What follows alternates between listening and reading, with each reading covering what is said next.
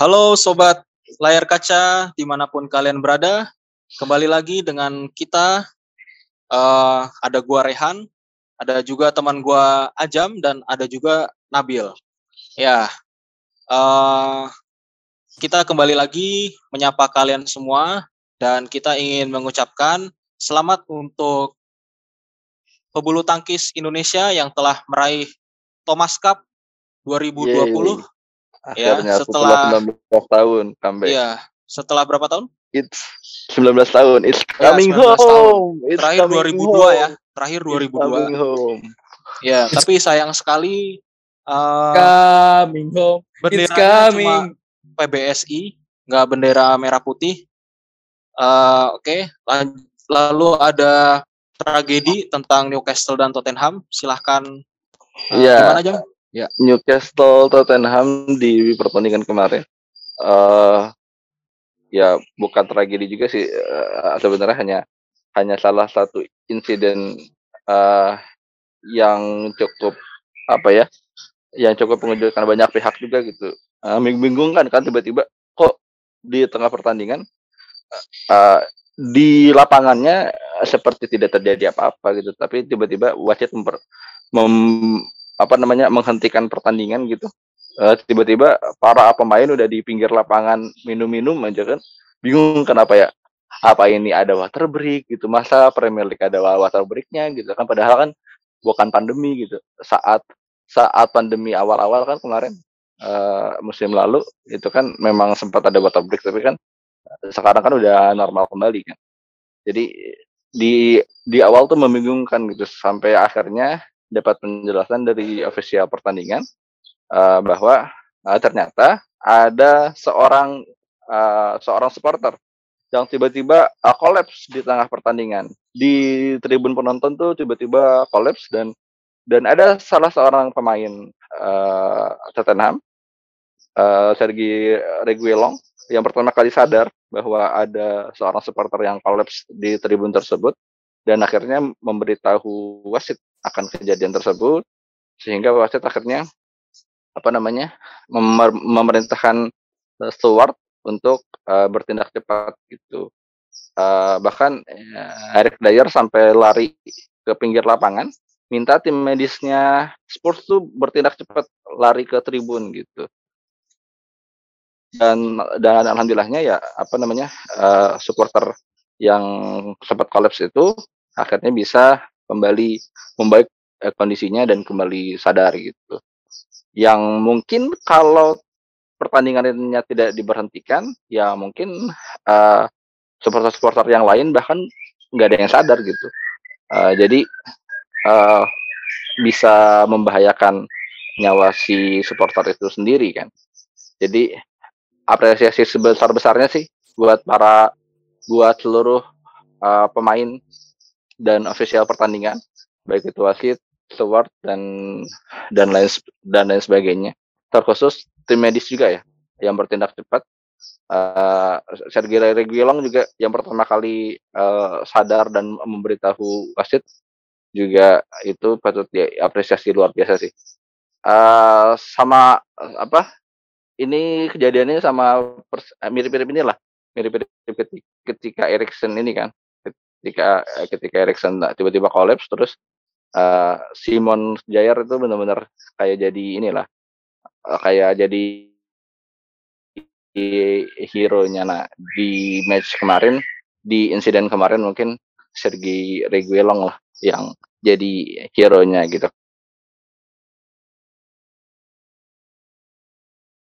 Karena itu nggak bakal tertolong secepat itu gitu itu sih uh, satu apa satu keindahan tersendiri dari sepak bola bahwa kemanusiaan dan nyawa seseorang um, bahkan itu supporter itu di atas segalanya gitu. Ya betul gitu. sekali. Uh, semoga bisa ditiru oleh negara lain ya atau di liga lain, terutama juga kita berharap Liga Indonesia bisa meniru uh, terkait uh, penanganan medis ataupun kepekaan dari pemain-pemainnya. Oke, seperti itu. Oke, langsung saja kita membahas dari laga-laga kemarin. Yang pertama ada kalau nggak MU nggak makan ya ini ada Manchester United melawan Leicester City di King Power Stadium pada hari Sabtu kemarin tanggal 16 Oktober. Menurut lu Bill, uh, faktor apa yang membuat MU kemarin kembali meraih hasil negatif? Di luar kita bahas pemainnya MU yang menyebabkan empat kali blunder, yang katanya empat kali blunder. Sistem permainan MU juga kagak jelas. Itu kemarin gue gue gue pengen nanya aja sama ini fans MU. Itu kemarin Bruno Fernandes ke mana ya? Dan juga gue selalu sama, sama Liverpool sama ini ya Leicester. Kita tahu bahwa yeah. Leicester itu katanya akan bermain uh, counter attack terus tapi ternyata enggak. Mereka menyerang banget. Mereka menyerang total. Bayangin aja nih. Dia 22 kali shot. Walaupun on target 11 dibandingkan MU shotnya ada 18 on target 6 penguasaan bola 49 sama 5 eh 48 5 48 52 nggak jauh beda gitu. Yang kita prediksi sebelumnya bahwa Leicester itu bakal bertahan ternyata tidak gitu.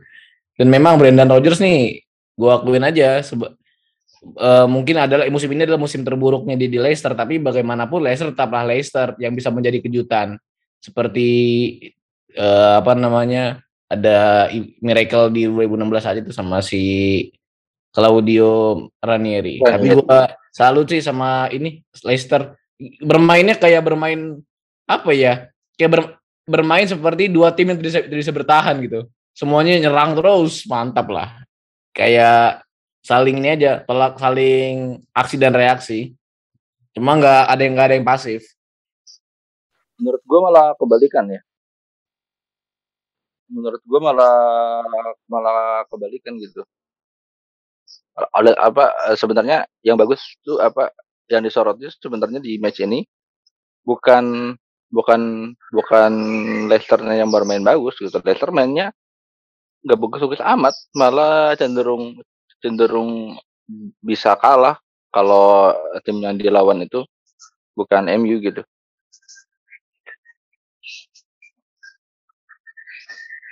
Oke, terus kalau menurut kemarin tuh kan Maguire belum 100% fit. Tapi dimainin sama Ole. Nah, hasilnya kita tahu sendiri banyak blunder dari Maguire. Nah, menurut menurut lu jam kenapa sih si Ole mainin Doi? Apa karena Varan juga cedera jadi nggak ada stok back pema, uh, stok back yang lain atau gimana? Iya, itu jawabannya. Karena uh, karena Rafael Varan cedera dan di bench cuma ada Eric Bailly gitu. Dan Eric Eric Bailly kan apa namanya uh, musim ini sama sekali belum dimainin satu menit pun kan ya. Jadi uh, agak riskan juga menurunkan uh, dia di match uh, sebesar ini. Ya lawan Leicester meskipun ya meskipun Leicester performa musim ini juga lagi memburuk, tapi kan uh, bukan laga yang bisa diremehkan juga gitu kan.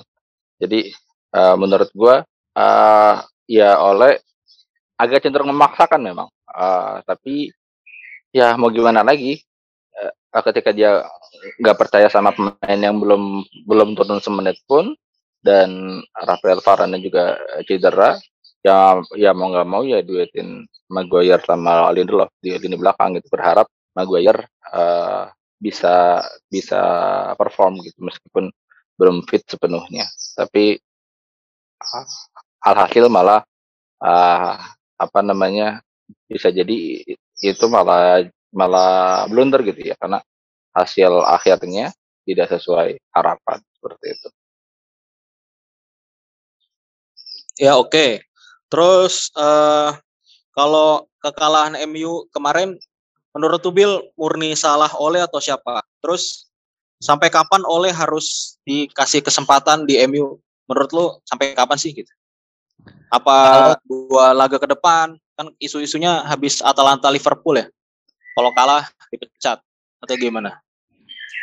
Kalau kita menyoroti blundernya Maguire empat kali itu, kita tidak bisa menyalahkan oleh karena itu kan salahnya pemain.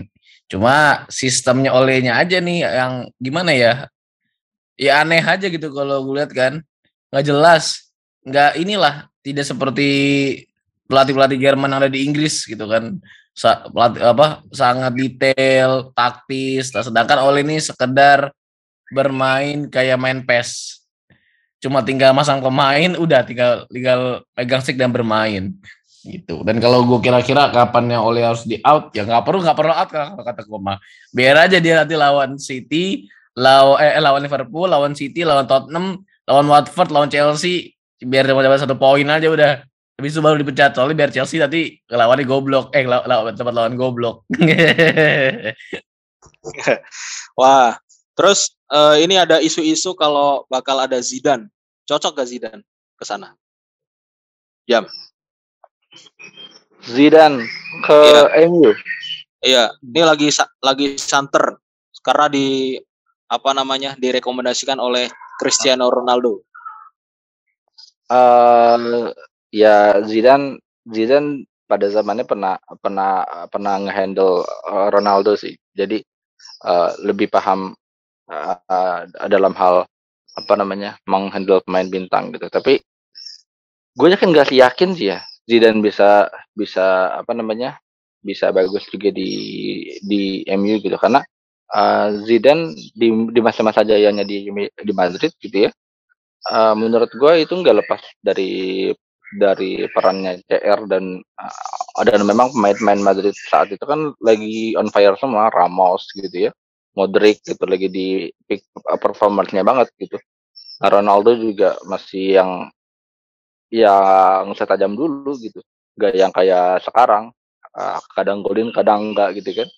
Kadang perform kadang enggak nah uh, ya situasinya udah serba beda sekarang gitu. jadi memecat memecat oleh uh, siapa mungkin juga mungkin nggak jadi nggak jadi solusi alternatif juga gitu. Karena kan uh, tentu dengan pelatih baru akan ada masa-masa adaptasi baru lagi gitu dengan strateginya, dengan cara pendekatan ke para pemainnya dan lain sebagainya gitu. Jadi menurut gua uh, nge-hire Zidane mungkin bisa jadi jawaban, tapi ya setidaknya wait and see dulu lah sampai sampai dua tiga empat match ke depan gitu karena nge-hire uh, uh, pelatih baru ketika uh, fixtures lu gak bagus juga kan nanti mempengaruhi psikis para pemain juga gitu. Misalnya nih eh, MU lagi di lagi di apa namanya uh, empat empat pertandingan ke depan lagi sulit-sulitnya gitu. Uh, tapi lu malah malah mencat malah mencat oleh sekarang uh, dengan memasukkan pelatih baru entah jadi entah entah siapa misalnya. Nah ketika pelatih baru itu nggak perform karena memang lawannya berat-berat gitu, ya pada akhirnya malah malah malah makin menurunkan kepercayaan diri para pemain gitu dan malah membuat supporter tambah nggak percaya lagi sama manajemen. Nah ini ditunjuk pelatih baru kok pelatih barunya sama aja nggak ada nggak ada perubahan kalah kalah terus gitu. Jadi uh, agak riskan juga uh, memecat oleh eh, uh, iya betul memecat oleh di tengah uh, fitur uh, pertandingan yang tidak tidak baik lah Eh, tidak bersahabat. Oke, kita beralih ke rival, uh, rivalnya MU, ada Liverpool yang kemarin ya, yang kemarin menang telak 5-0 melawan Watford. Ya, menurut lu Bill, apa yang bikin Liverpool tampil sangat impresif dan juga skornya bisa setelak itu? Sebenarnya gue mau balik bertanya nih ke fans Liverpool kok bisa gitu ya Firmino tiba-tiba hat trick lagi gitu gue heran sebelumnya kan ya, karena memang ya, kualitasnya ya. segitu memang oh, kualitasnya segitu eh ya selain itu lalu Firmino ya. tuh kardus ya Hah? Musim lalu Firmino kardus.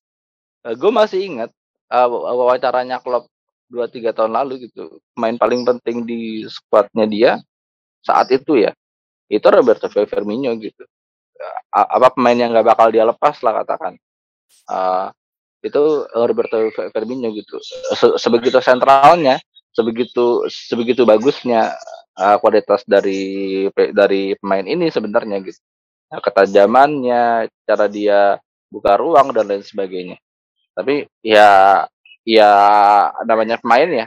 Ada naik turunnya dan kebetulan satu musim kemarin lah uh, kurang lebih satu musim kemarin ya Firmino itu benar-benar benar-benar ini banget kan apa permainannya tak kunjung membaik gitu. Tak kunjung membuahkan gol dan assist. Nah ketika di match-match laga kayak gini lah ketika dia bisa apa ketika dia diberi kepercayaan kembali dan bisa ngasih gol dan assist ya itu gua harap sih bisa mengembalikan kepercayaan dirinya dan dia bisa konsisten lagi ke depannya gitu sehingga persaingan lini depan antara antara dia dan Diogo Jota juga bisa makin uh, kompetitif gitu. Ya oke, okay. gimana kalau menurut fans Chelsea? Bill. Ya gimana ya? He, uh, emang Liverpool itu kan bermain dengan sistem yang mantap, beda sama si rival abadinya tuh. Dia bermain hanya sebagai naruh pemain doang, Beda dengan Liverpool yang memang mau siapa pun yang ditaruh, walaupun memang performanya misalkan secara skill ada di bawah, tapi sistemnya itu tepakem gitu. Bermain bahkan ketika ditinggal si uh, Wijnaldum juga tetap aja main kayak gitu juga yang sekarang digantikan oleh siapa sih kemarin Harvey Elliott yang cedera kemarin itu digantikan sama Curtis Jones sama tetap mainnya. Nah itulah pentingnya kita punya suatu sistem dalam membangun sebuah tim. Bayangin gimana Liverpool dulu di awalnya pas zamannya masih ada Balotelli kalau nggak salah jamnya datang klub ya. Itu kan dia benar-benar ngebangun tim dan memang progresnya kelihatan ada jelas. Salut buat klub dan terutama juga gue sebagai uh, mantan pemilik salah di Chelsea, gue gue sangat senang dengan Liverpool karena ada salah. Ya, terus ini uh, dengan kembali on fire-nya Firmino, banyak yang mengatakan bagaimana nasib Jota. Ya, menurut lo Jam gimana? Jota ke depan akankah jadi bangku cadangan terus atau gimana? Ya, sebenarnya ini blessing discuss bagi bagi Liverpool gitu ketika ketika Jota Jota bapuk Firmino bagus gitu ketika kemarin apa ketika musim lalu dan di awal-awal musim ini Firmino masih bapuk ya jotanya yang bagus gitu nah jadi uh, saling melengkapi nih satu sama lain. Di di saat Firmino bagus Jota enggak Jota Jota bagus Firmino enggak. Nah nah sekarang kan Firmino lagi bagus-bagusnya. Ya gue rasa uh, Jota uh, untuk saat ini lagi kehilangan tempat gitu. Tapi menurut gua ketika dia uh, udah mulai kehilangan tempat di starting line up ya gua harap dia bisa memperbaiki uh, performanya sehingga uh, apa ya ada ada competitiveness lah di di di di internal squad uh, Liverpool gitu antara antara kedua pemain ini gitu kan. Kedua pemain ini sama-sama berkelas nih. Nah ketika memang ada ada ada kompetitif uh, di di antara kedua pemain ini ya gua rasa dua-duanya akan berlomba-lomba uh, menunjukkan performa terbaiknya dan itu bagus untuk tim gitu.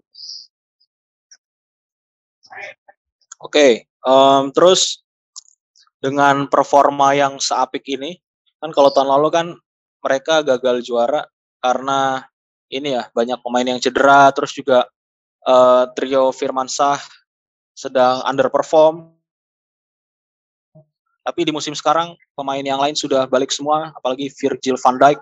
Terus uh, apa namanya trio Firman Sah sudah on fire. Menurut fans Chelsea, ya yang apa namanya yang ingin meraih titel tapi sepertinya akan sulit karena Liverpool juga lagi on fire. Menurut lu apa kendala yang bisa menggagalkan Liverpool untuk meraih titel musim ini? Sepertinya problem Chelsea dan Liverpool sama. Yang bisa membuat mereka turun adalah Piala Afrika. Chelsea dengan Mendy dan juga Liverpool dengan Salah dan Mane. Karena kan ya ya Mendy cadangannya si Kepa angin-anginan. Kalau si Liverpool salah sama Mane siapa kan paling Jota bisa sama si Origi. Cuma yang mungkin bisa menghambat dua tim itu ya adalah Piala Afrika doang. Oke, okay, kalau lu kalau lu gimana jam? Setuju nggak tentang Nabil dengan pendapat Nabil?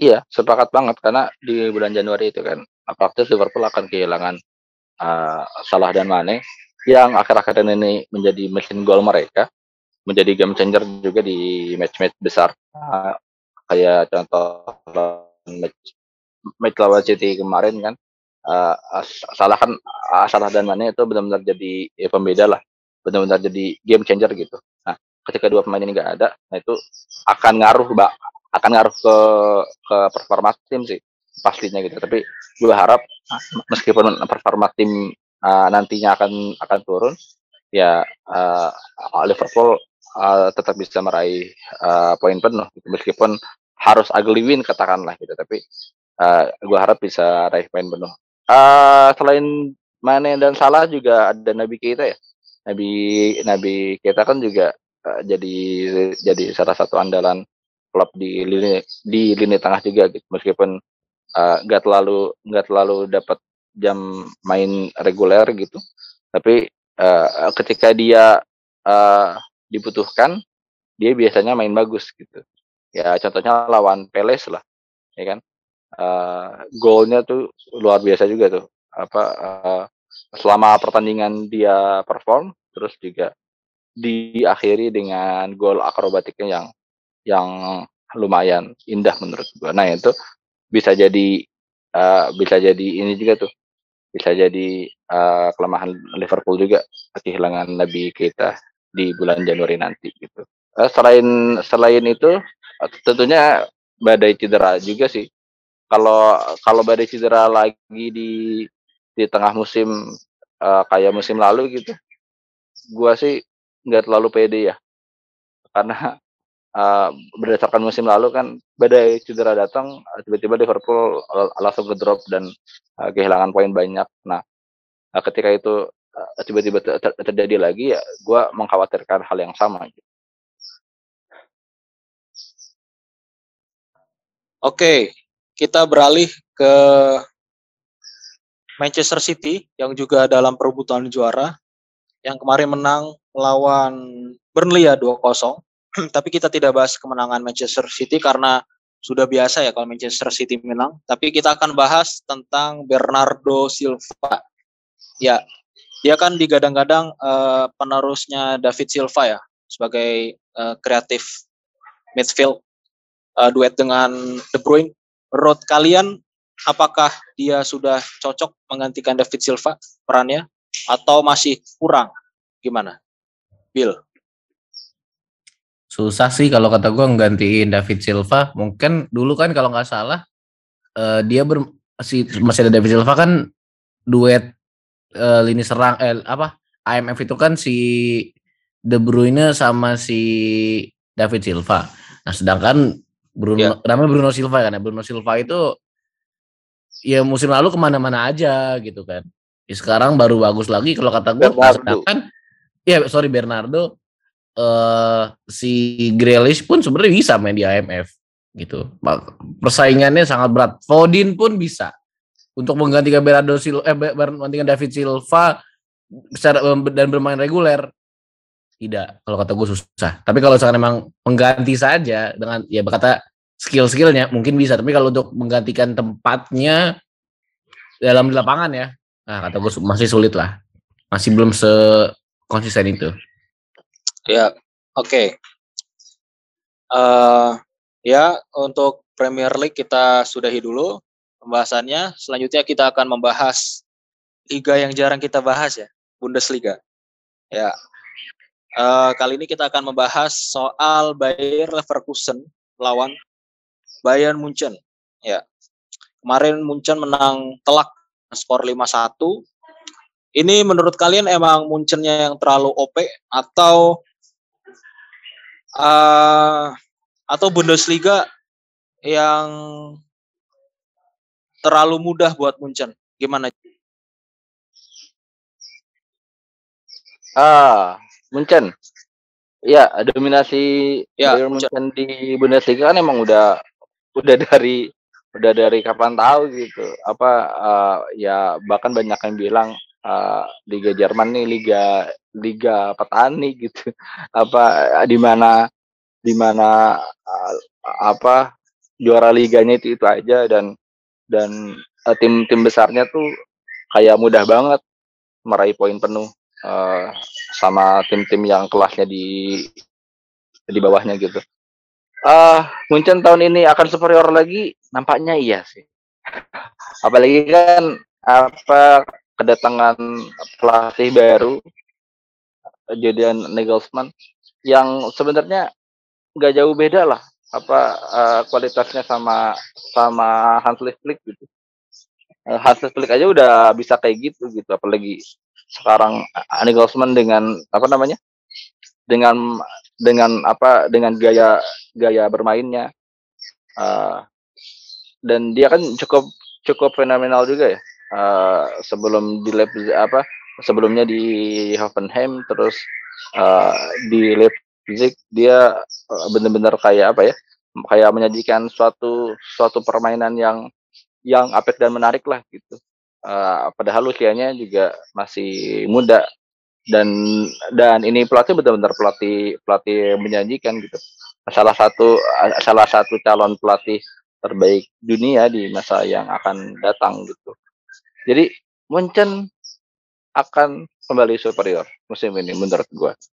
Ya terbukti lah Leverkusen yang kemarin juga sempat digadang-gadang ah ini kayaknya Leverkusen udah mulai bagus nih gitu ya tapi nyatanya bisa kalah satu lima telak banget gitu. Terus uh, Freiburg kan banyak orang yang mengeluh-elukan Freiburg juga nih. Freiburg baru apa uh, masih belum terkalahkan sampai saat ini gitu kan. Bahkan Munchen udah kalah lawan Frankfurt kemarin. Nah ini uh, Freiburg belum kalah-kalah gitu. Uh, terakhir meraih hasil seri gitu. Nah ini juga kan banyak digadang-gadang bakal jadi pemain apa pesaingnya Munchen juga. Tapi kan Freiburg belum ketemu Munchen. Kalau ketemu Munchen nah itu nggak tahu lah. Sama aja sih kayaknya hasilnya sama sama aja kayak Leverkusen ketemu Munchen gitu. Akhirnya ya ya kalah kualitas juga. Ada akhirnya kalah kalah kalah kalah juga.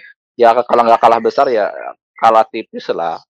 Satu kosong dua kosong. Tapi kan tetap ada kekalahan gitu. Tetap aja kehilangan kehilangan tiga poin gitu ya musim ini Oke, uh, ini juga ada isu terkait Lewandowski.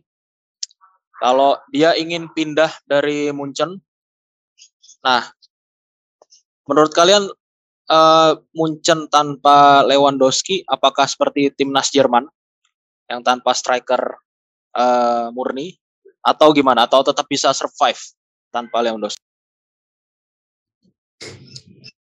Siapa nih? Nabil. Eh Nabil Nabil. Ya dia lupa lagi. Nah katanya kan Lewandowski-nya yang katanya mau pindah ya katanya. Terus dikabarkan bahwa Florentino Perez sebenarnya kan namanya ya. Dia pengen ya, merekrut si Lewandowski. Kalau misalkan kejadian, kalau misalkan kejadian nih ya, Mun eh Munchen Lewandowski dibeli sama Madrid itu ATM sama Barca cuma jadi lumbung gol doang. Karena duet Benzema dan Lewandowski itu sama-sama lu dikasih bola mana aja tinggal shoot mereka pasti golin. Lalu ketika apakah Munchen akan berefek ketika ditinggal Lewandowski? Tenang aja. Sergei Gnabry itu di Jerman, timnas Jerman ya, sering dimainin di posisi depan loh. Tengah lah pernah. Dan juga kan kabarnya si Nagelsmann ini pengen beli si Werner. Tapi oh, memang tidak sepadan ya. Tapi Oh iya benar. Tapi kalau dilihat-lihat kalau misalkan Nagelsmann bisa make Werner seperti Hansi Flick make Werner di timnas Jerman, nggak bakal ada penurunan gitu. Penurunan mungkin sedikit, tapi tapi tetap ya bakal gaspol terus bahkan di Liga Champions kata gue even misalkan Lewandowski musim dingin pindah ke Madrid lalu Werner dibeli paling semifinal tuh bukan hal yang sulit lah bagi Munchen untuk masuk semifinal UCL. Oke, apalagi mungkin ini ya, Werner kan sudah pernah ditangani oleh Nagelsmann juga kan di Leipzig. Jadi nah, juga itu dia. Kemarin uh, uh, uh, salah satu top skor Bundesliga juga kan. Iya. Dulu waktu itu. Ya, mungkin nggak nggak terlalu sulit kali ya. Nah, Nagelsmann tahu cara memaksimalkan mengoptimalkan potensinya Werner lah. Ya kan? Nggak kayak Lampard. Bahkan eh, kan, potensi dalam golin ya, ini. tapi dalam iya. bergerakan sangat dimanfaatkan loh. Santai iya. bosku. Iya. Okay, ya, tapi kan zaman sekarang kan uh, uh, uh, orang lihatnya statistik. Iya, atlet itu golden assist gitu. Itu kardus, ya. statistik tanpa nonton. Mandit data. ya enggak, uh, maksudnya eh, di Leipzig kan dia bisa setajam itu apa jumlah gol dan asisnya uh, luar biasa di bawah uh, uh, Nagelsmann. Nah, uh, ketika di Chelsea kan jauh menurun tuh uh, uh, performanya atau ada dalam artian statistik gol dan ada asisnya gitu. Nah, ketika nanti uh, beneran kejadian Werner dibeli sama Munchen dan kembali ditangani oleh Nagelsmann, ya bukan tidak mungkin Werner akan kembali tajam seperti dulu atau setidaknya statistik statistik statistik gol dan asisnya kembali kembali tokcer kayak kayak zamannya dia di Leipzig gitu.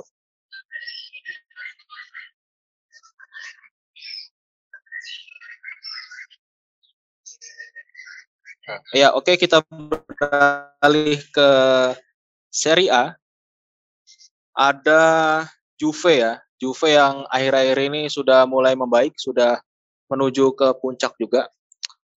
Akhirnya. Saat ini sudah memiliki catatan empat kemenangan beruntun. Nah, menurut lo, Bill, masih adakah asa untuk Juve merebut puncak klasemen? Mengingat sekarang uh, selisihnya 10 poin dari peringkat satu. Masih jauh. Jauh lah bos. Kalau misalkan misalkan besar mungkin aja cuma eh lihat lihat dong Napoli gila loh 8 kali pertandingan 8 kali menang. Ngegolin ya, masih sempurna Napoli sampai sekarang. Kebobolan ya. cuma tiga. Terus Milan nih Milan yang diragukan badai cedera segala macem Lazio peringkat dua. Gila lu em emang kalau di Juventus empat besar sih cuma untuk juara juara. Sulit bos. Bener bener sulit banget. Ya, ya memang performanya emang lagi bagus aja. Dan juga kemarin kemenangan atas in, atas Inter eh atas Roma itu kalau dibilang ya Roma malah yang ibarat kata gini kita tahu Jose Mourinho bahwa adalah tim yang bermain tidak terlalu dominan di lapangan. Tapi kemarin Roma lebih dominan loh. Dengan Romanya si Mourinho tuh lebih dominan. Kalau kata gue hoki aja tuh kemarin si Juventus menang. Ditambahkan kemarin si Sesni tumben tuh bisa main bagus. Jadi bisa dikatakan kemarin Juventus menang lawan Roma itu itu itu ugly win ya. Oh pasti, pasti. Ya, eh, oke. Okay. Selain itu juga ada Inter Milan lawan Lazio. Sepertinya Serie A awal-awal musim ini cukup seru ya, cukup ketat. Tidak seperti musim-musim sebelumnya. Nah, Milan kemarin kalah melawan Lazio, akhirnya kalah. Nah, menurut lu Jam, uh, apa faktor kekalahannya kemarin? Dari permainan mungkin dari strategi? Uh, Lazio Inter. Ya. Yeah. Uh, Lazio di bawah di bawah Sari ya. Uh, benar-benar menjadikan satu permainan yang berbeda sih. Uh, menurut gua. Dan gua kira tim asuhannya Simone Inzaghi lah yang bakal menang di laga ini gitu. Tapi ternyata malah sebaliknya. Jadi uh, apa ya meng mengisyaratkan bahwa ya Lazio musim ini juga nggak cuma apa nggak kayak Lazio musim-musim selanjutnya apa sebelumnya gitu. Bahwa Lazio musim ini bisa bersaing di papan atas uh, Serie A gitu. Nah, mungkin narasi itu yang mau yang mau disampaikan oleh Sari ke para pesaingnya gitu. Jadi gue sih berharap uh, Serie A kayak gini sampai, sampai akhir musim ya. Ada Lazio, ada Napoli, ada Inter, ada Milan, ada Juve, ada Roma gitu. Benar-benar bunuh-bunuhan sampai akhir musim. Gue gue berharap kayak gitu gitu karena kan kita jarang disuguhkan apa Serie A kompetitif ini ya uh, kemarin juga Inter juara kan juga uh, apa ya gapnya juga lumayan gitu. Jadi ya menurut gue Seri A musim ini benar-benar menghadirkan sesuatu yang berbeda lah. Nah, kehadiran Mourinho, terus uh, kompetitif apa nggak uh, pernah lah Seri A kompetitif ini. Nah, gue yakin bakal seru sampai akhir musim. Nah, gue berharap seperti itu. Oke, semoga ya. Gue juga berharap semoga Seri A kembali kompetitif. Jadi nggak hanya uh, Premier League karena La Liga mungkin sedang menurun dikarenakan tiada tiadanya Messi menurun. Jadi gua harap uh, Serie A bisalah kompetitif. Gitu. Oke, kita membahas selanjutnya ada La Liga, ada Barcelona. Ya, kemarin Barcelona kembali di jalur kemenangan setelah mengalahkan Valencia 3-1 di Camp Nou. Nah, akankah dengan kembalinya Ansu Fati, terus ada Aguero, ada Coutinho, Barcelona bisa lebih meyakinkan ke depannya? Gimana menurut lu? Sekarang kan e, nomor 10-nya Barcelona Ansu Fati sudah kembali dari cedera dan dalam dua pertandingan terakhir dua match dua gol. Tapi Ansu Fati ini masih sepertinya belum fit ya. Dia masih bisa belum masih belum bisa bermain 90 menit. Dan Aguero telah kembali dari cedera dan kemarin main beberapa menit doang kan. Seenggaknya buat pemanasan lah, buat dapat match fitness. Tinggal nunggu yang cedera tuh kalau nggak salah Usmane Dembele sama Luke De Jong, masih cedera ya Luke De Jong ya? Oh sorry, Luke De Jong udah nggak cedera lagi. Nah, bagus justru nggak ada Luke De Jong. Ada Luke iya, De Jong malah kalah terus nggak sih? Ya, lupakan aja. Nah, cuma gini. Ah. Eh, musim eh musim depan. Pertandingan berikutnya melawan Real Madrid dengan sembuhnya pemain-pemain depan ini bukan alasan lagi. Bukan alasan lagi kalau misalkan mereka kalah. Ya di samping memang Pedri cedera. Cuma kan masih ada masih ada pemain-pemain ini. Masih ada Hafi eh sebenarnya baca Gavi apa? Hafi sih bacanya Iya. Iya, pokoknya itulah ya. Iya, itulah. Itu kan uh, sempat juga dikatakan pemain bintang ya kemarin pas pas di Nation League ya. Jadi kalau kata gue Barca mau alasan apa lagi kalau misalkan kalah sama Madrid. Oke, kalah satu kosong tuh nggak masalah, tapi secara permainan menang. Ya, coba kalau misalkan kalah di atas dua kosong, ya memang tolol lah itu sih di Koman tuh. Bisa dibilang kan kemarin alasan Koman tuh kan banyak cedera segala macam kita begini gini gini gini kalau kata fansnya juga begitu kan tapi kalau misalnya udah, udah kembali begini masih tolol juga ya tanahnya yang megang setir yang tolol gitu. Iya. Ini masalahnya mau dipecat juga nggak punya duit, kan harus ngasih sama 12 juta. Nggak mau ini cuy, kita kasih sedekah koin untuk Barca. ah, ya kita bisa sarankan oleh Dede Cules, Decul atau fansnya Barca sebutannya apa? Ya Decul ya. Ya Kules ya. Iya. Ya, bisa tuh bikin kita bisa di kita bisa poin untuk Kuman ya. Oke. Katanya kalian mau ganti pelatih Kuman out. Nah, ngomong-ngomong Kuman out, melihat permainan kemarin, menurut lu Jam, apakah Kuman out apa Kuman stay? Ah, gua nggak, ya gua nggak terlalu ini ya, nggak terlalu mempedulikan uh, hashtag hashtag kayak gitu Kuman stay Kuman out oleh oleh out gitu. Yang penting ya gue sebagai fans netral sih liatnya ya Barca lagi bagus ya nggak apa-apa dipuji dulu aja pelatihnya gitu. Nah kita lihat eh, pertandingan-pertandingan berikutnya gitu. Nah, apa sejauh sejauh mana uh, permainan mereka bisa berkembang uh, ke arah yang lebih baik lagi gitu sejauh mana mereka bisa menguasai pertandingan. Dan uh, dan ketika hasilnya juga uh, mendukung ya berarti memang pelatih itu layak dikasih kesempatan lebih gitu. Nah, tapi ketika memang ke depannya nanti uh, permainannya tak kunjung baik atau bahkan mungkin menang tapi tapi ugly win gitu kan kan berarti masih masih ada yang harus dikoreksi tuh gitu ya. Masih ada yang harus dievaluasi secara permainan. Nah itu juga itu berarti uh, pelatihnya mem memang masih perlu di dikritik lagi gitu. Jadi menurut gue uh, Kuman untuk saat ini stay apa outnya ya kita lihat uh, match-match ke depannya dulu gitu.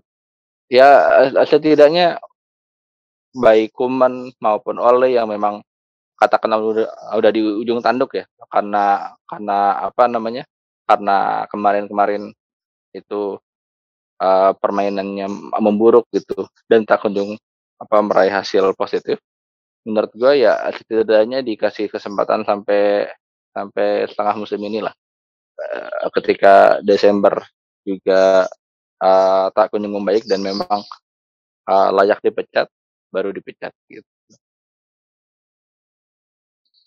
Oke, kalau tadi lu bilang lu nggak peduli soal hashtag command out, command in, ini ada Coutinho. Nah, lu sebagai uh, fans Liverpool melihat mantan pemain lu uh, Coutinho ya.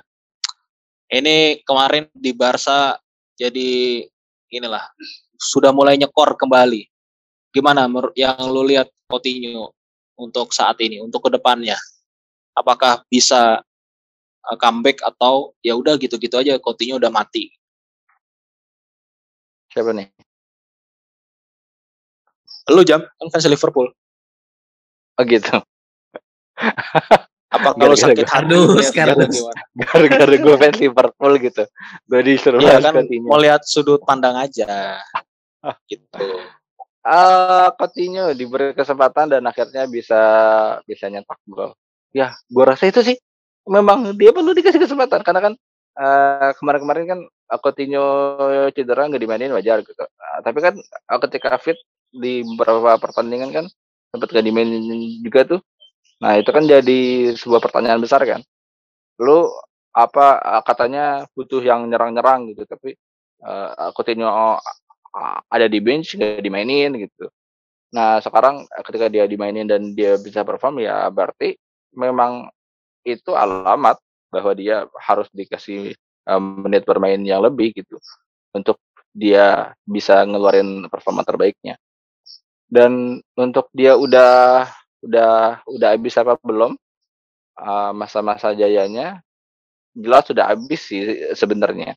Masa jayanya udah habis karena uh, uh, di tengah Barca juga lagi kayak gini dan dia juga performanya masih angin-anginan ya menurut gue uh, harus harus harus pindah tim dan ini kali ya uh, dan bener-bener ngerasain uh, peran baru di tim baru sampai dia uh, bisa benar-benar uh, kembali menunjukkan performa yang benar-benar sama dengan di Liverpool saat saat itu gitu.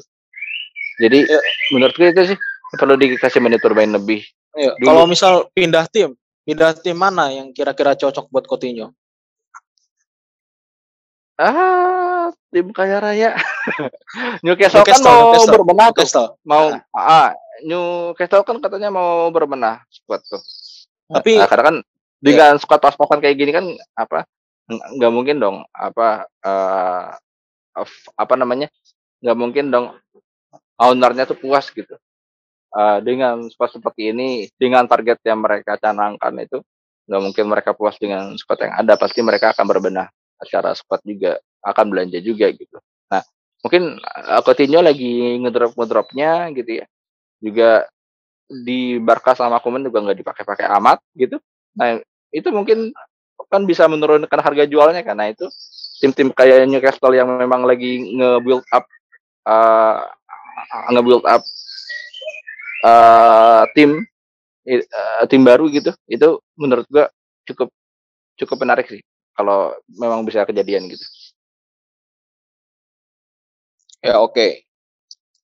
ya uh, mungkin pembahasan Coutinho tadi adalah bahas pembahasan penutup kita pada podcast minggu ini ya jangan lupa saksikan terus podcast fans layar kaca setiap minggunya hari Rabu untuk uh, episode liga dan juga nanti akan ada spesial untuk Liga Champion ya yang akan dipandu oleh uh, Azam.